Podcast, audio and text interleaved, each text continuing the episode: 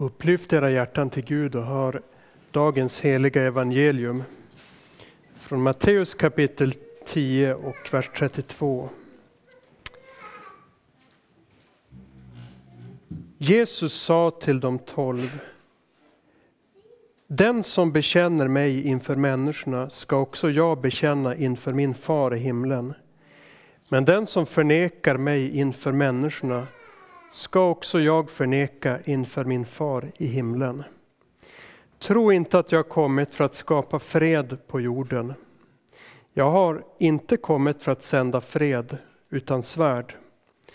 Jag har kommit för att skilja en son från sin far, en dotter från sin mor och en sonhustru från sin svärmor.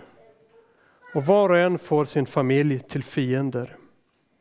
Den som älskar far eller mor mer än mig är inte värdig mig. Och den som älskar son eller dotter mer än mig är inte värdig mig. Den som inte tar sitt kors och följer mig är inte värdig mig. Den som finner sitt liv ska mista det och den som mister sitt liv för min skull ska finna det. Så lyder det heliga evangeliet. Lovad vare du Kristus. Nåd vare med er och frid från Gud vår far och från Herren Jesus Kristus. Låt oss be. Herre, vi ber, öppna ditt ord för oss. Vi kan ju inte själva förstå eller tro ditt ord annat än att din helige Ande leder oss in i det och uppenbarar för oss vad ditt ord betyder. Låt din Ande genom ordet skänka tro och tröst så att det blir den här stunden blir dig till ära och oss till nytta. Det ber vi om i Jesu namn. Amen.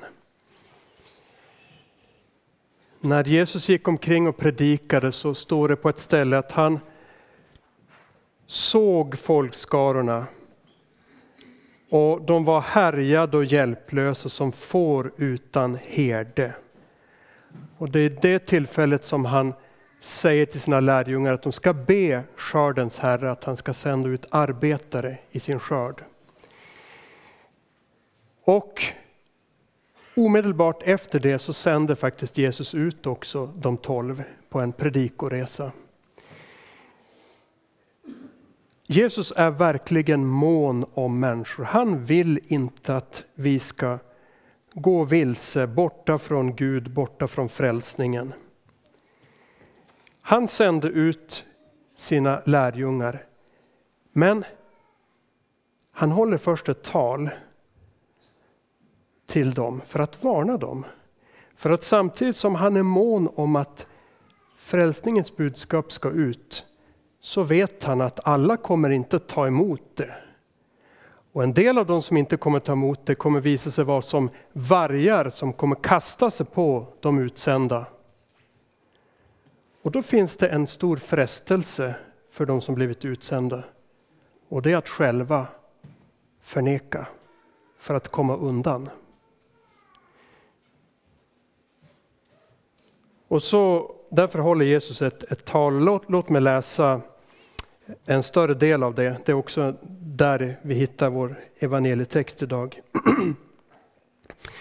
Och I det här talet så uppmanar de att i möte med motstånd och lidande inte vara rädda, men hålla honom högre än människor, ja till och med högre än deras egna familjer. Jesus sa, se jag sänder er som får in bland vargar. Var därför listiga som ormar och oskyldiga som duvor. Akta er för människorna. De kommer att utlämna er åt domstolar och piska er i sina synagogor. Ni ska föras inför ståthållare och kungar för min skull, för att vittna inför dem och hedningarna. Men när de utlämnar er, bekymra er då inte för hur ni ska tala eller vad ni ska säga. Det kommer att ges åt er i den stunden. Och då är det inte ni som talar utan er faders ande som talar genom er. En bror ska utlämna sin bror till att dödas och en far sitt barn. Och barn ska göra uppror mot sina föräldrar och döda dem. Ni kommer att bli hatade av alla för mitt namns skull. Men den som håller ut till slutet kommer att bli frälst. Och när man förföljer er i en stad, så fly till en annan. Jag säger er sanningen, ni hinner inte genom Israels städer innan Människosonen kommer. En lärjunge står inte över sin lärare och en tjänare står inte över sin herre. Det räcker för lärjungen att bli som sin lärare och för tjänaren att bli som sin herre. Om husets herre blir kallad för Belsebul, hur mycket mer ska då inte hans tjänare bli det? Var alltså inte rädda för dem. Det finns inget dolt som inte ska uppenbaras och inget gömt som inte ska bli känt. Vad jag säger till er i mörkret ska ni säga i ljuset och vad ni hör viskas i ert öra ska ni ropa ut på taken. Var inte rädda för dem som dödar kroppen men inte kan döda själen. Frukta istället honom som kan fördärva både själ och kropp i Gehenna. Säljs inte två sparrar för ett kopparmynt, ändå faller inte en enda av dem till marken utan er fars vilja. Och på er är till och med alla hårstrån räknade. Var alltså inte rädda. Ni är mer värda än många sparvar. Den som bekänner mig inför människorna ska också jag bekänna inför min fader i himlen. Men den som förnekar mig inför människorna ska också jag förneka inför min fader i himlen. Tro inte att jag kommit för att skapa fred på jorden. Jag har inte kommit för att sända fred utan svärd. Jag har kommit för att skilja en son från sin far, en dotter från sin mor och en sonhustru från sin svärmor.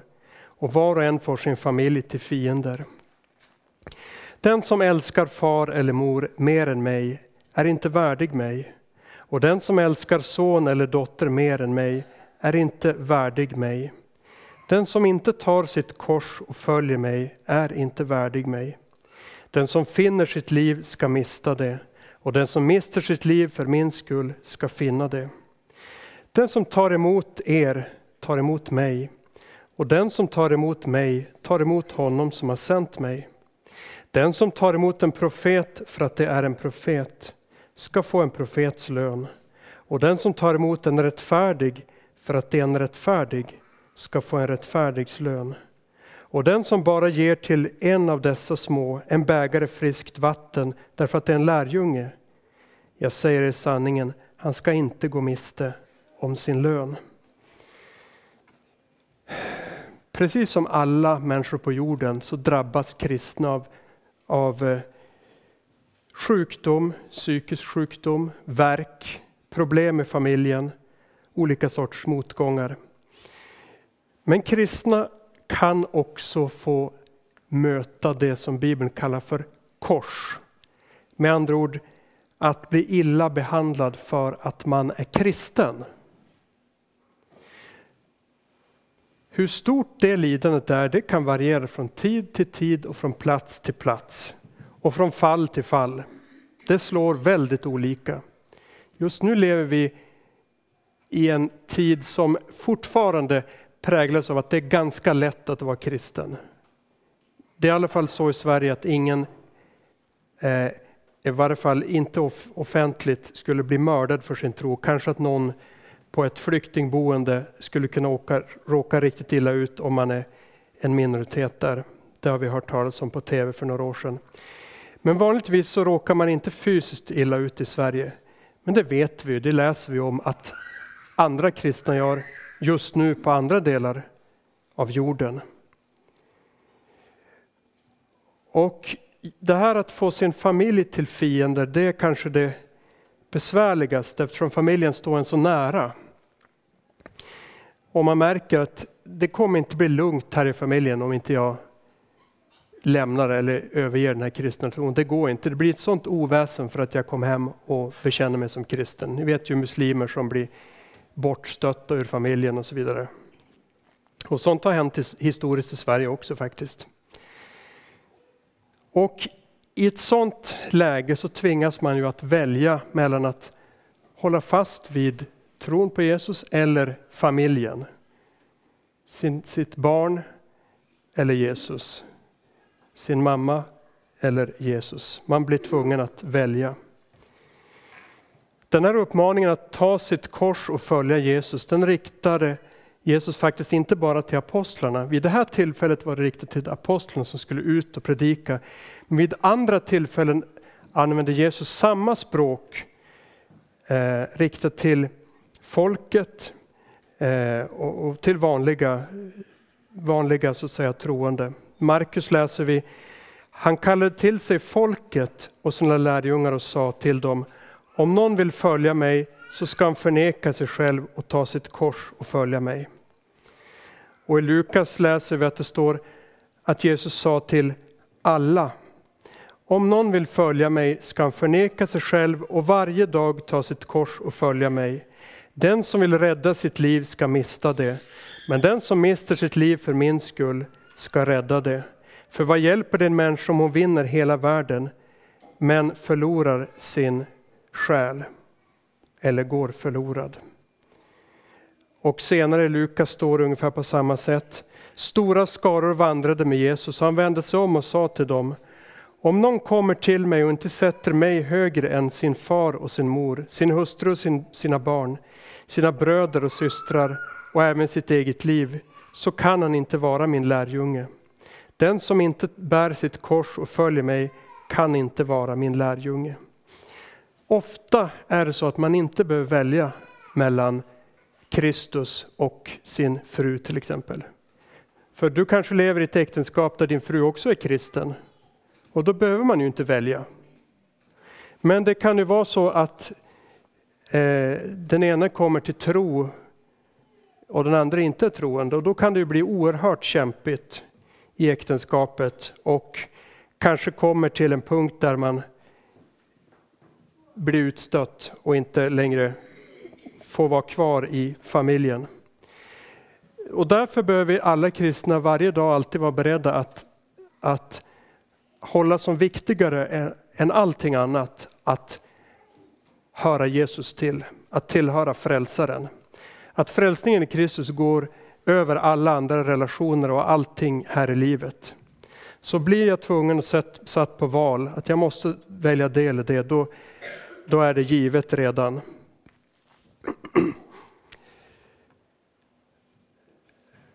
Det är nämligen så att, att Jesus och hans ord väcker anstöt här i världen. För vissa människor, så, vissa människor kommer till tro genom Jesu ord. Men i andra sammanhang så blir det tvärtom. Så det är inte alltid så att, att, att vi, vi ska inte gå omkring och vara rädda så att liksom, jag ska inte torde säga någonting om, om, om, om Jesus eller Guds ord, för då blir det bara en motreaktion. Det är inte säkert. Vissa människor kommer till tro. Men det kan bli motreaktioner. Vi läste i gamla testamentliga texten idag om hur en eh, eh, i gamla testamentet steg fram inför folket och sa att, att, att som ni lever nu så kan det inte gå väl för er. Och då stod det att kungen tog initiativ och, och stenade den mannen. Och människor kan stöta sig på lite olika sidor av Jesus och hans undervisning. Eh, det kan gälla någon speciell sak i läran, den kristna läran, som kan vara en anstöt i en viss tid. Men kanske inte en anstöt i en annan tid. Men läser vi till exempel om Sadrak, Mesak och Abednego, de kastades i brinnande ugnen för att de vägrat erkänna någon annan gud än Gud. Och det var väldigt anstötligt att de inte skulle erkänna deras store gud, eh, Bab babylonernas store gud, det måste de ju kunna erkänna som, som Gud. Nej, det kunde de inte. Och då blev det sån irritation att de blev, skulle alltså avrättas, kastas in i elden. Det kan också vara någonting helt annat. Johannes döparen han kastades i fängelse för att han påpekat att Herodes inte hade rätt att ha sin brors fru. Så det handlar om moral istället. Det handlade inte om, en, om, om eh, att Jesus är Guds son eller att han är vägen till frälsning. Det handlar om en speciell moralfråga. Du har inte rätt att, att vara gift med den här personen. Herodes hade gift sig med sin, fru, med sin brors fru, fastän brorsan levde fortfarande. Hon hade skilt sig från sin bror och gift sig med Herodes som hade kommit högre upp i, i rang i, i romarriket. Och hon eh, eh, var väldigt själv en sån väldigt eh, äregirig kvinna. Man kan läsa om henne från andra ställen än bara i Bibeln. Det slutade för övrigt förfärligt för både Herodes och Herodias. Men det ska vi inte gå in på nu. Men Johannes döparen sagt till att du har inte rätt att gifta dig med henne. Och då blev han kastad i fängelse. Och sådana här moralsaker det kan väcka stor anstöt i vår tid. För ta bara 40 år sedan så var det väl knappast någon som hade, eller väldigt få som hade retat sig på om man hade sagt att två stycken av samma kön kan inte gifta sig. Det hade inte varit något som folk hade retat sig på, det var ingen stötesten då. Men nu har det blivit en stötesten att hålla fast vid Guds ord även på den punkten. Så i olika tider och olika kulturer så kan det vara olika saker i Guds ord som särskilt stöter och som man inte tål att höra. Det kan också vara en, en kraftig förkunnelse. Stefanus till exempel, han blev stenad för att han predikade mot de fromma judarna att de var lika oomvända och syndiga som sina avgudadyrkande fäder. Det fick dem att totalt tappa fattningen. För judarna på Jesu tid, de tyckte inte alls om sina fäder som hade dyrkat avgudar. De ville ta totalt avstånd från det. De var väldigt noggranna med att man skulle bara dyrka en gud. Och så säger Stefanus att ni är exakt lika, ni är lika oomskurna öron som era fäder. Och då bör de gnissla tänder. Men det kan också vara så att Jesu person, bekännelsen till att Jesus är Guds son, eh, väcker vrede. Eh, det märker vi i den muslimvärlden, till exempel idag. Men vi märker och ser i Bibeln hur en svår förföljelse bröt ut mot församlingen i Jerusalem för att de bekände sig till Jesus som Guds son. För det uppfattade de ledande judarna som en mycket allvarlig villolära. Så de, fatt, de ledande judarna fattade inte att kristendom var sann. De tyckte, vilken, det här måste vi verkligen trycka bort. Paulus var i spetsen. Det är ju fruktansvärt att kalla en människa för Gud. Och så bröt ut en stor förföljelse. Så olika saker i Guds ord kan väcka anstöt och vrede. Eh, och då är det just en frestelse att förneka Jesus eller att stiga av, göra avsteg från vad, vad Guds ord säger för att klara skinnet själv. Men det visar ju Jesus att det är inte den väg som, eh, det är inte den goda vägen, det är inte den vägen som bär eh, framåt. Att förneka Jesus och hans ord, det är det sämsta man kan göra. Tvärtom säger Jesus, saliga är de som blir förföljda för rättfärdighetens skull, för de tillhör himmelriket. Saliga är ni när människor hånar och förföljer er och ljuger och säger allt möjligt ont om er för min skull. Gläd er och jubla, för er lön är stor i himlen. På samma sätt förföljde man profeterna före er. Det här är ju svårt att säkert, särskilt ta till sig i just en sån situation. Då känner man sig allt annat än salig, välsignad. Men Jesus understryker just att just när det är så illa, folk ljuger, förföljer, man känner sig totalt tryckt åt sidan och nertrampad. Ni är välsignade, ni är saliga. Himmelriket tillhör er. Inte på grund av lidandet, men mitt i lidandet så tillhör himmelriket er. För ni håller er till frälsaren Jesus Kristus. Och med honom är himmelriket och ni med honom. När Luther eh, listade ett antal kännetecken på en, en kristen kyrka, en sann kristen kyrka, så nämner han även lidandet som han kallar för korset eller det heliga korset. Han skriver För det sjunde känner man igen det heliga kristna folket till det yttre av det heliga korsets klenod. Detta folk måste tåla varje olycka och förföljelse, alla slags prövningar och allt ont av djävulen, världen och köttet, som Herrens bön visar. Genom inre sorgsenhet, försagdhet, rädsla, yttre fattigdom, misströstan, sjukdom och svaghet. För att, det ska bli lika, för att de ska bli lika sitt huvud Kristus.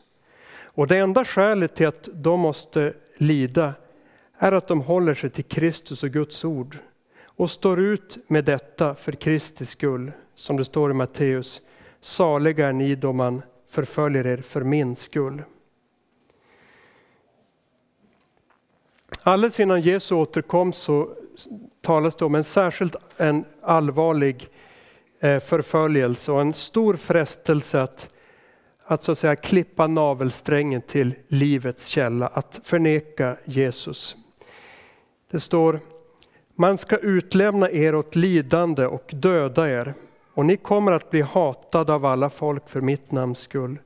Och då kommer många att komma på fall och de ska förråda varandra och hata varandra. Många falska profeter ska träda fram och bedra många och eftersom laglösheten ökar kommer kärleken att kalla hos de flesta. Men den som håller ut till slutet ska bli frälst. När vi läser det här så, eller när vi får, lä får läsa det här, så är det för att vi ska få motståndskraft, för att vi ska vara beredda på att kanske hamnar vi i den tiden, eller i ett sådant sammanhang, eller rent av lever i den allra yttersta tiden. Men händer det, så har Jesus förutsagt att många ska komma på fall. Han säger det för att vi ska stå fasta den dagen och veta att det inte, nu händer det här som skulle hända, men håll fast vid Jesu namn. Det är det enda som till slut är något värt. Vad hjälper det om vi vinner huvudet eller hela världen men förlorar vår själ? Jag såg på en, en hemsk jag tror att det var en, ett Youtube-klipp, eller om jag läste om det, var ett par år sedan. Det var när IS härjade Islamiska staten, så var det en, en man som hade kristen bekännelse. Jag vet inte hur så att säga, personligt kristen han var, men han kom i alla fall från kristen kultur. Och då krävde de här äh, muslimerna att du måste avsvära dig din tro och istället bekänna äh, Allah som den enda guden och Muhammed som hans profet. Den här mannen ville ju rädda sitt liv, så han gjorde det. Det var hans sista ord på jorden. För de sa, nej vi tror inte på dig, och så högg de huvudet av honom. Vad hjälper det oss om vi skulle vinna, och även om vi hade vunnit halsen den gången, vad hjälper det om vi dör utan frälsaren och ska möta Gud utan Jesus. Och därför så förutsäger Jesus sådana saker för att vi ska bli så att säga, förberedda och inte tas på sängen som om det var något alldeles oväntat som kom, utan vara förberedda på att det kan komma hemska tider. Som, som värld så, eller som värld, vi behöver faktiskt inte just nu leva riktigt så. Vi får tacka Gud för det. Det är väldigt tacksam för att vi får leva i ett land med till stor del religionsfrihet. Men vi ska vara beredda på att det kan komma andra tider. Och ett annat sätt att, att stärkas om vi får drabbas av lidande, det behöver inte vara så svårt lidande, men det kan ändå vara mobbning eller någonting annat. Eh, kanske att folk kommer att kasta sönder rutor på friden, men vem vet att det blir liksom problem, jobbigheter. Så lyfter Hebreerbrevet fram både Jesus som förebild och också alla de kristna som gått före. De vittnen, ordet vittne på grekiska är faktiskt ordet martyr. Och tänka på dem och på det sättet också få liksom motståndskraft när eh, lidande kommer. Hebreerbrevets författare skriver när vi nu har en så stor sky av vittnen omkring oss, eller martyrer omkring oss, låt oss då lägga bort allt som tynger och särskilt synden som snärjer oss så hårt och löpa uthålligt i det lopp som vi har framför oss. Och låt oss ha blicken fäst på Jesus, trons upphovsman och fullkomnare. För att nå den glädje som låg framför honom uthärdade han korset utan att bry sig om skammen.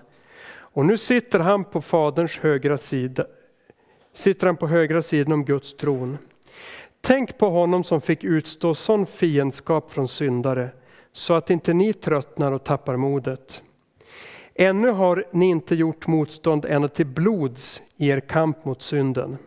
Det där betyder kanske att de han skrev till här, det var fortfarande inte så att någon hade blivit dödad för sitt, sin tros skull. Det var lidanden och problemen, det var ändå inte till blods. Det var inte, de hade inte blivit Eh, dragna inför och, och mördade. Och ni har glömt uppmaningen som talar till er som söner. Min son, förakta inte Herrens fostran och tappa inte modet när han tuktar dig. För den Herren älskar tuktar han och han agar varje son som han har kär. Det är för er fostran som ni får utstå lidande. Gud behandlar er som sina söner. Vilken son blir inte fostrad av sin far? Får ni inte fostran som alla andra, då är ni oäkta barn och inga riktiga söner. Vi hade våra jordiska fäder som fostrade oss och vi hade respekt för dem. Ska vi då inte så mycket mer underordna oss andarnas fader så att vi får leva? Våra fäder fostrade oss en kort tid så som de tyckte var rätt. Men Gud gör det för vårt bästa, för att vi ska få del av hans helighet. För stunden verkar ingen fostran vara till glädje, utan snarare till sorg. Men för dem som har tränats genom fostran ger den längre fram frid och rättfärdighet som frukt. Styrk därför kraftlösa händer och svaga knän. Och så för det tredje, det första som vi nämnde som motståndskraft, det är just att, att vara medveten om att lidande kommer. Det andra att se på Jesus och martyrer som gått före. Och så för det tredje, att bli väl rotad i evangelium för sin egen del. Eh, Jesus säger i liknelsen om såningsmannen, de som sås på stenig mark är de som genast tar emot ordet med glädje när de hör det, men de har ingen rot inom sig utan tror bara för en kort tid. När de sen möter lidande eller förföljelse för ordets skull så kommer de genast på fall. Och sen säger han till slut att men de hos vilka säden faller i god jord är de som hör ordet och tar emot det och bär frukt. 30, 60 och 100-falt. Så alltså att inte bara ta emot Guds ord på ett ytligt sätt utan rotas i det gå och lyssna till Guds ord regelbundet. Gärna läsa hemma, bibel eller andaktsbok och liksom låta det få verkligen ta djup rot inom en. Ehm, att eh, vad Jesus har gjort för oss, att, att det får bli en, en djup tröst så att vi blir en, en god jordmån där som inte, att det inte blir förstörs så fort det kommer lidande och förföljelse. Jag ska snart avsluta. um, apostlarna de fick i uppgift att predika Kristus offentligt. Och då förstår man ju att om Jesus själv och hans ord inte var gillat så kan det inte bli gillat när folk går omkring och säger exakt samma sak. Och då var det lätt att fanns det en frestelse att förneka.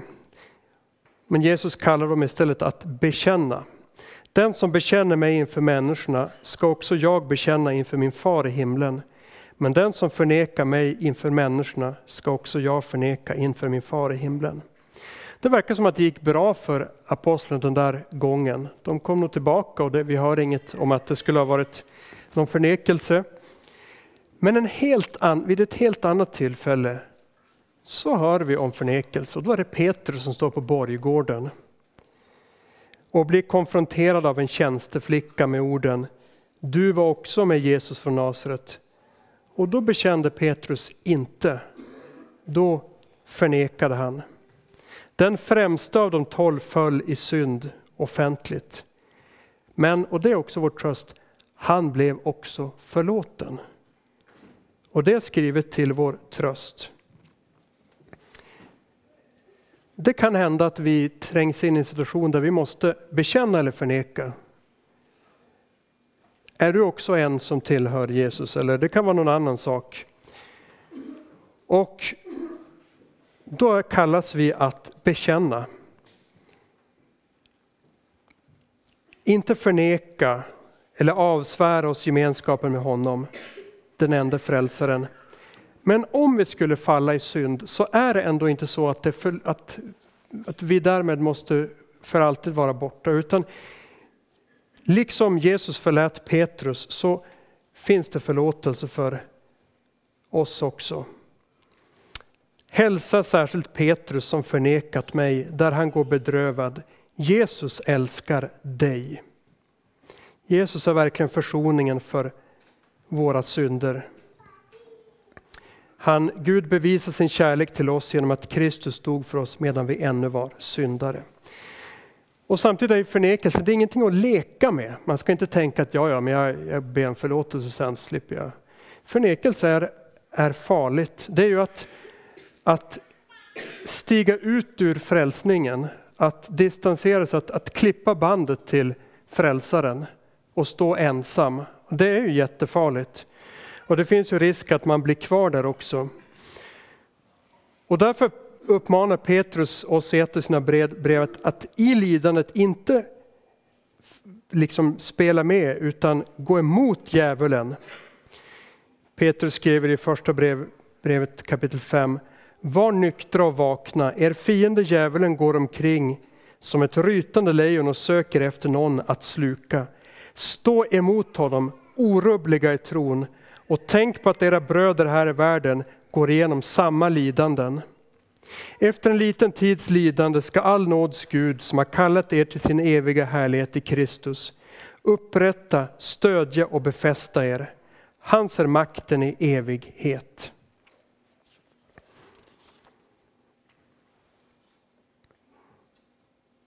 Det kan bli trångt i världen.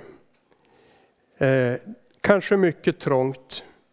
Där vi får uppleva att människor är Många människor står oss emot. Och även vår familj vänder sig mot oss. Det kan bli mycket, mycket jobbigt. Men har vi inte frid i världen så får vi ändå ha frid i evangelium. Änglarnas ord om frid på jorden till människorna ett gott behag. Det gäller i alla tider och alla situationer. Amen. Ära vare Fadern och Sonen och den helige Ande, så som det var av begynnelsen, nu är och skall vara, från evighet till evighet. Amen. Till om några dagar börjar nyårslägret och ni får se på hemsidan för detaljer. Och nyårslägrets högmässa, där predikar Tor Fremmegård, Söndag 1 januari. Idag tas det upp kollekt till Fridhem som också delas med församlingen. Må Gud välsigna både gåva och givare. Lovad vare Gud och välsignad i evighet som med sitt ord tröstar, lär, förmanar och varnar oss. Helige Ande, skriv ordet i våra hjärtan så att vi inte blir glömska hörare utan varje dag växer till i tro, hopp, kärlek och tålamod intill tidens slut och blir saliga genom Jesus Kristus vår Herre. Amen.